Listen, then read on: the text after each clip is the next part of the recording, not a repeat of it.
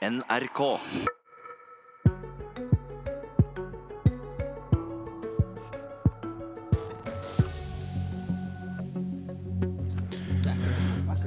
Fødselstallene super, og statsministeren maner til nasjonal barnedugnad. Vi har samlet tre menn til å løse problemet, og en av dem tror jo også på mirakler. Velkommen til NOs NHOs årlige maktdemonstrasjon her i Oslo Spektrum, hvor vi snart skal høre at næringslivet vil drive med mer bistand hvis de får penger, men også store bekymringer for at sterke krefter i LO vil si opp EØS-avtalen og Norges kontrakt med Europa. Men først altså barnedugnad. Norske kvinner føder et halvt barn for lite til å opprettholde befolkningen, uten å få påfyll utenfra. En viktig årsak til det, det er jo at mange dropper å få det tredje barnet. Eh, NHO-sjef Ole Erik Hanli, velkommen. Takk, takk. Eh, du har to barn. Nå har du kjøpt hund. Ja. Hvem sa stopp? Nei, Vi skulle gjerne hatt et barn til, så ble det ikke sånn. Så kjøpte hun en hund. da, så det, Man kan ikke sammenligne hund og barn, men vi har jo to tenåringsbarn hjemme nå, så skulle gjerne hatt en til som har vært litt yngre. Det har vært fint, det. KrF-leder Knut Arild Hareide. eh, Du, du har to barn. Det er kjent at eh, dere har forsøkt å få flere òg. Men hvem er det som er pådriveren hjemme hos dere? Eh, Ja, det tror jeg faktisk vi er litt begge to. Men jeg kan iallfall trygt si at eh, kona mi hadde ønsket eh, barn nummer tre. Eh, Det er jo sånn at eh, det er en enorm glede å få barn. Så har jo iallfall jeg gjort en feil som mange i Norge gjør da. Vi blir foreldre litt for seint. Jeg er nå 46. Eh, Det er godt modent når du skal bli foreldre.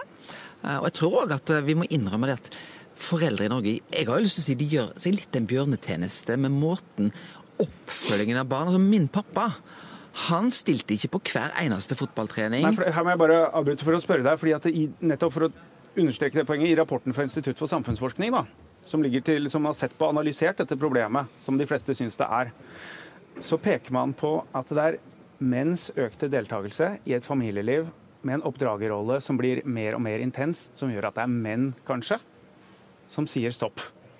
Kjenner du deg igjen i det, Gabrielsen? Jeg tror først og fremst ikke er eh, min eller LOs eh, oppgave å moralisere over eh, folks valg. Det er jo ikke et mål i seg sjøl at folk skal få flere barn. Det er noe som man må ta et valg på at man ønsker, har mulighet til. og så er det jo betegnende at det er eh, tre eh, vi får si, litt middelaldrende menn som sitter og diskuterer dette her. Eh, eh, Og da tenker jeg det er først og fremst Men det er kanskje dere det står på, Nei, til en viss grad, nei, får man høre fra tenker- forskerne. Nei, fordi jeg tenker først og fremst dette er eh, noe vi må spørre de yngre eh, om eh, hva som skal til for at man får flere barn. Og da hører jeg eh, fra yngre menn og kvinner eh, at eh, her handler det om arbeidslivet, hvordan vi innretter arbeidslivet, en trygg jobb, eh, utsikter framover. Eh, og det er det vi først og fremst eh, må kommer- konsentrere om. Og høyresida pleier alltid å si at det er grenser for eh, hva politikken skal befeste seg med, og her tror jeg vi er i, i grenserandet til eh, akkurat den debatten der. Vi kommer raskt til det, men bare fort, Anneli. Hva tror du at den oppdragerrollen man ser i dag, hemmer eh, lysten til å få mange barn? Nei, men jeg tror Hans Kristian er inne på et kjernepunkt. Da. Du må ha en eh, politikk i Norge som fremmer muligheten til å kombinere jobb og, og det å ha familie. Og jeg Da, sier da kan vi ta opp ett poeng med en gang. Ja. Forskerne peker jo også på at når er det man begynner å få barn? Det er gjerne når man har fått sin første faste jobb. Du ønsker fleksibilitet, gjør du ikke det? Nei, ønsker, I arbeidslivet. Midlertidige kontrakter først. Vi ønsker veldig tydelig å si at hovedregelen i norsk arbeidsliv skal være fast jobb. Og Derfor så tror jeg trygghet rundt jobb er det som avgjør om du får barn eller ikke. Og Veldig mange venter til de har den tryggheten i jobb. Og så kan vi godt ha diskusjon om midlertid, midlertidighet eller ikke, men klart at veldig liten del av norsk arbeidsliv er knytta til midlertidighet. Men trygghet er nok nøkkelen for veldig veldig mange. At du vet at du har en trygghet rundt at du kan ha en fast inntekt, og så kommer barna etter hvert. Og da er jo alder også et spørsmål som eh, Er du enig med inne at dette er et lite problem med midlertidighet i forhold til f.eks. at man får etablert seg? Nei, jeg mener det er en helt avgjørende. Trygg jobb, fast jobb, er det de unge peker på som den kanskje viktigste eh, premisset for å søke å etablere familie. Så kommer jo barnehageplass, Mm. velferdsordninger, eh, hvordan vi innretter arbeidslivet, hvordan arbeidsgiverne har fleksibilitet i forhold til at du kan komme eh, litt seint, gå litt tidlig, Mm. ha den type fleksibilitet. Men først og fremst trygghet i arbeidssituasjonen, helt avgjørende. Og da er denne eh, veien vi har valgt nå under denne regjeringen, med mer midlertidighet, feil medisin. Men, men dette er vi jo helt enige om, og den midlertidigheten vi ser nå er jo øh, forsvinnende liten. Så jeg er helt enig jeg, i at trygghet er viktig. Og så er det sånn at vi ser jo det at de norske ordningene vi har, er jo veldig gode. ikke sant? Så Derfor så må vi gå nå og se hva er årsaken til de funnene vi ser nå det siste året med at det går ned. Det er mange årsaker til det, men klart at det norske arbeidslivet skal støtte opp om muligheten til å kombinere jobb og familie. Og dere er enige om at det viktige er at man står i jobb, og det skal kombineres med barn. Og så har vi Kristelig Folkeparti, Knut Arild Hareide. Dere, dere ønsker en litt annen variant òg, for dere ønsker å støtte opp under at de som ikke er i arbeid av ulike årsaker, skal kunne lettere finansiere det å ha barn. Det er jo, det er jo sånn Ja, er at løsningen. Velger du f.eks. å få barn mens du studerer, så kommer de i dag veldig dårlig ut økonomisk. Og det mener jeg er et problem. Fordi at, eh, som jeg sa, jeg ble pappa veldig seint. Eh, Det er jo ikke bare økonomiske ordninger som er med på å gjøre de valgene, men de økonomiske ordningene må ikke gjøre at du får veldig insentiv til å vente. Og er du student i dag, så får du altså da eh, en engangsstønad på 84 000. Er du i jobb, så kan du få en støtte på opp mot 600 000. Og det er veldig forskjell på å få 84 000 eller 600 000. Men er det ikke lurt å motivere til at man står i jobb, og så får man barn? Altså, Vi har ei arbeidslinje, og, og, men jeg tror vi må ikke se så fullt og fast på ei arbeidslinje at vi fødselstallene går veldig ned. Og jeg tror f.eks. det at en får barn òg mens en er student, mange studerer ganske lenge, eh, det er bra. At en studerer, får eh, kvalitativ informasjon Men- og Men sitter og studerer, og det er mange som ikke studerer også. Eh, så det, vil være, det er jo ikke noe sånn at det bare er for studenter, har jeg skjønt. Gabrielsen, altså, er det et brudd med arbeidslinja, eller er det riktig at man heller fokuserer på at det skal være lettere å få barn hvis man ikke jobber? Jeg tror vi skal legge til rette for at eh, folk kan få så mange barn de sjøl ønsker, uten at vi skal moralisere over uh, antall osv. Det er ikke moralisering, det er jo en, eh, snakk om insentiver. Vi, vi må legge, legge til grunn at uh, man kan få så mange barn man ønsker, eller ikke.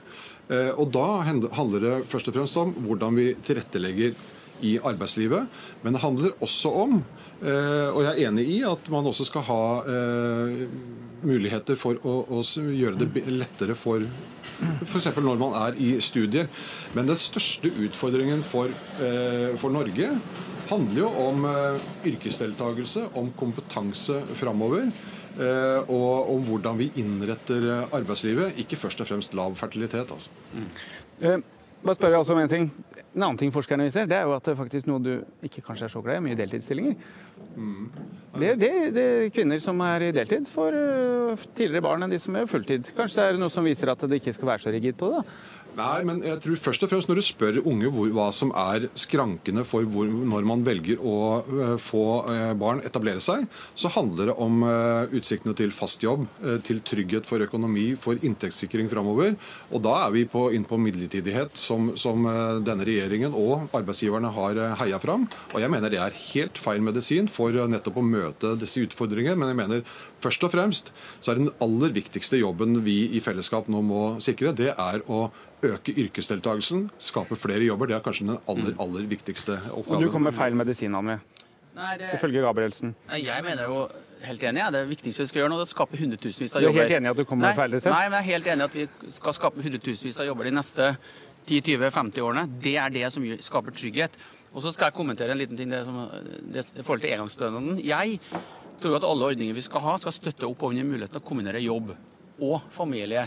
Men så er det noen grupper som kanskje skal få den engangsstønaden. Så vi har vært litt avventet til den, men akkurat stu studenter tror jeg kan være eh, gode argumenter for å Så du skal er få for studenter, men ikke andre?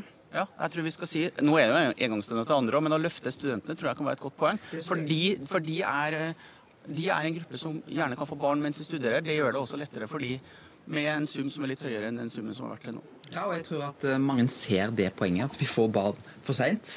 Eh, så, så er dette selvfølgelig Ja, men spørsmålet, syns du det er riktig å avgrense, sånn at det er til studenter, men det er ikke nødvendigvis til andre som står utenfor arbeidslivet som ikke studerer? Altså, jeg tror òg det er noen sånn paradoks i dag, at du er nødt til å ha en tilknytning til arbeidslivet. Uh, studenter er på en måte en veldig uh, Er det et paradoks? Ja, jeg syns det. Fordi at når vi ser at når vi nå får barn for seint Og ja, jeg er enig, dette er jo folks valg, vi får lov til å ta det. Men vi må ikke ha økonomiske ordninger som jeg tror veldig mange tenker diskriminerer og gjør at vi venter med det valget.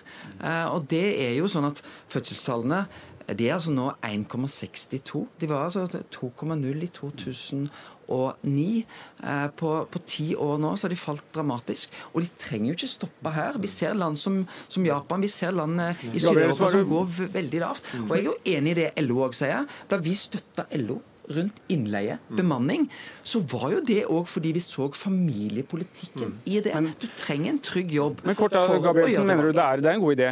Øke engangsstønaden slik at man ikke nødvendigvis må ha tilknytning til arbeidslivet? Jeg tror vi skal legge til rette for at folk kan få så mange barn de ønsker seg sjøl, eh, og at det er økonomiske incitamenter som gjør at du kan kombinere det, om du er i arbeid eller i studier. Men først og fremst så handler det om å få opp yrkesdeltakelsen, og det er der den har falt mest blant de unge. Men strider den, Nei, den få opp yrkesdeltakelsen hvis du skal ha stønad for å være utenfor? Nei, men Vi må først og fremst eh, legge til rette for at flere kan komme inn i arbeid. Kombinere arbeid med det å få barn. Og Det er eh, helt riktig som Hareide peker på. Eh, dette har falt siden 2009, altså etter finanskrisen, hvor usikkerheten i arbeidsmarkedet begynte å øke, og hvor vi fikk også en stadig etter hvert Det er mange forklaringsvariabler nå etter hvert. da. Ja. Ja, kort kommentar på dette. Ja, for Det er veldig mange forklaringsvariabler, bare for å si det. Og f.eks.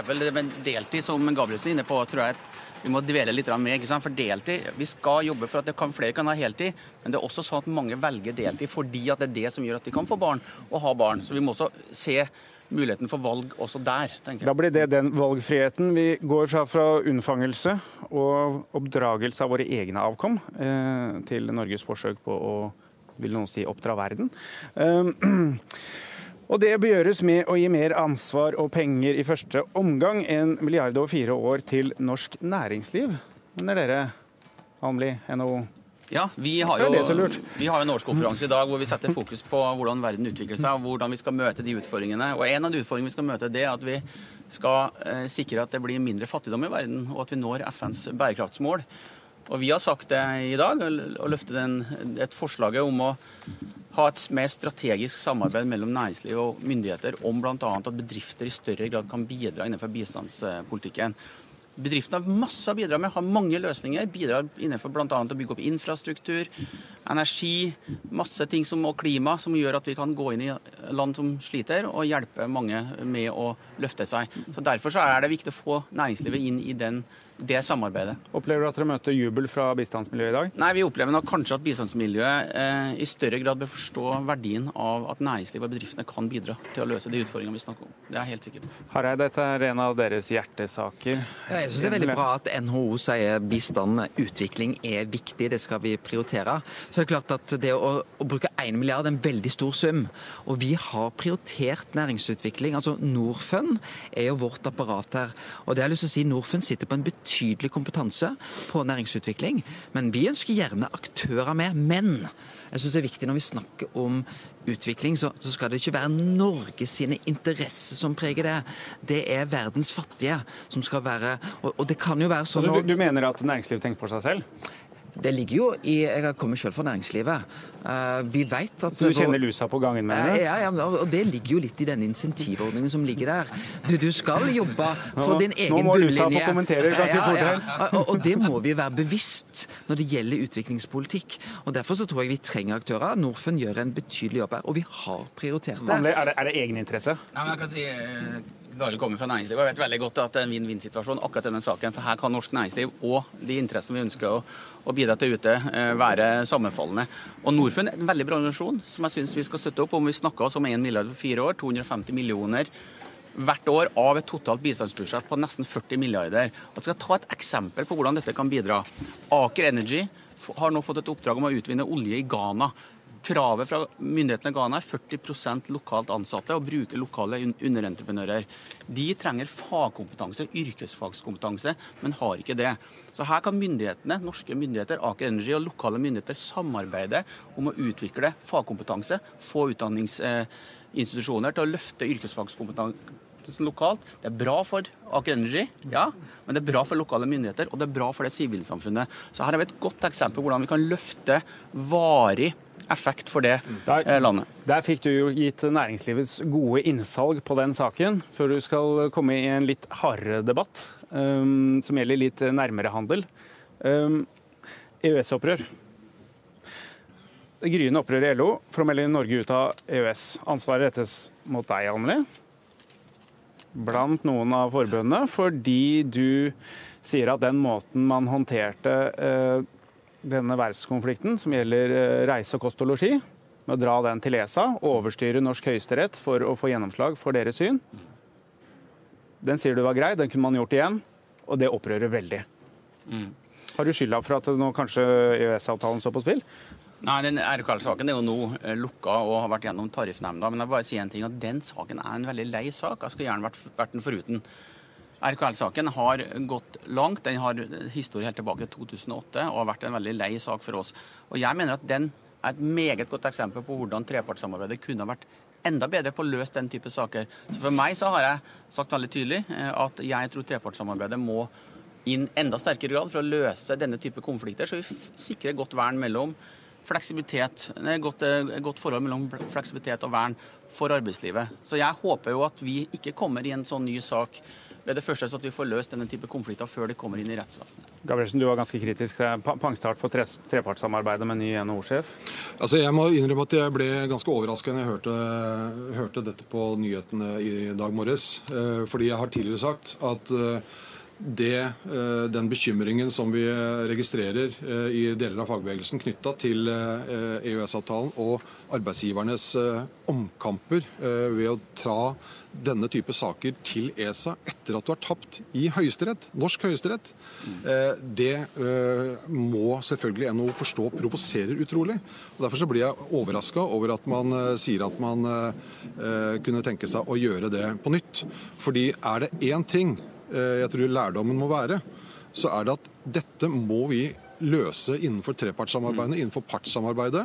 Vi må, ikke, vi må, respektere at vi vinner saker, vi taper saker i, i rettsvesenet eller andre steder og blir enige eller uenige. Mm. Men vi må stå for den enigheten og ikke bruke eller misbruke EØS-avtalen på den måten. Eh, fordi EØS-avtalen er viktig for oss. Den er viktig for norsk næringsliv. Og da må arbeidsgiverne og regjeringen også sørge for at vi bruker mulighetene til å sikre norske lønns- og arbeidsvilkår. Mm. Ikke misbruke avtalen på den måten som har skjedd. og Det må NHO forstå. og De må slutte med den type omkamper. To ganger misbruk fra Gabrielsen. Ja, jeg mener at dette er å skyte over mål. men jeg jeg skjønner at denne saken er vanskelig, og vi syns også den er vanskelig. Denne saken som vi er ferdig, den er lukka. Nå må vi se hvordan håndterer vi de neste sakene. Og så må jeg si en ting, ting til. Denne saken ble løst i Tariffnemnda med en balansert løsning, som også Euro-LO syns er OK. Men vet du, jeg skal si det, eh, Gabrielsen, at jeg skjønner at denne saken provoserer, og det skal vi ta på alvor. Jeg hadde i går en veldig fin seanse med noen av dine kolleger i et arrangement lenger opp. Hm? Selvkritikk? Nei, det er ikke, det er ikke selvkritikk. på Ville du gjort det samme om igjen? Ja, men Jeg skulle gjerne unngått å gjort det samme en gang igjen. Du skulle gjerne unngått? Ville du gjort det samme en gang til? Nei, men vi, hvis, Tatt den til ESA? Hvis vi hadde måttet, måtte gjort det på nytt igjen, så hadde vi dessverre måttet gjort det på nytt igjen. Men jeg tror nå at vi hadde Nei, igjen? Nei, jeg tror nå for, jeg tror nå at vi med trepartssamarbeidet klarer å ta dette inn tidligere, så vi får løst det. Uten å ta det til rettsvesenet. For det skulle jeg veldig gjerne ha sett at vi skulle unngått. Ja, men det er, Dette her er ikke å skyte over mål. Og det er ikke bare jeg som har sagt at arbeidsgiverne nå virkelig må ta inn over seg hva de har eh, skapt av uro.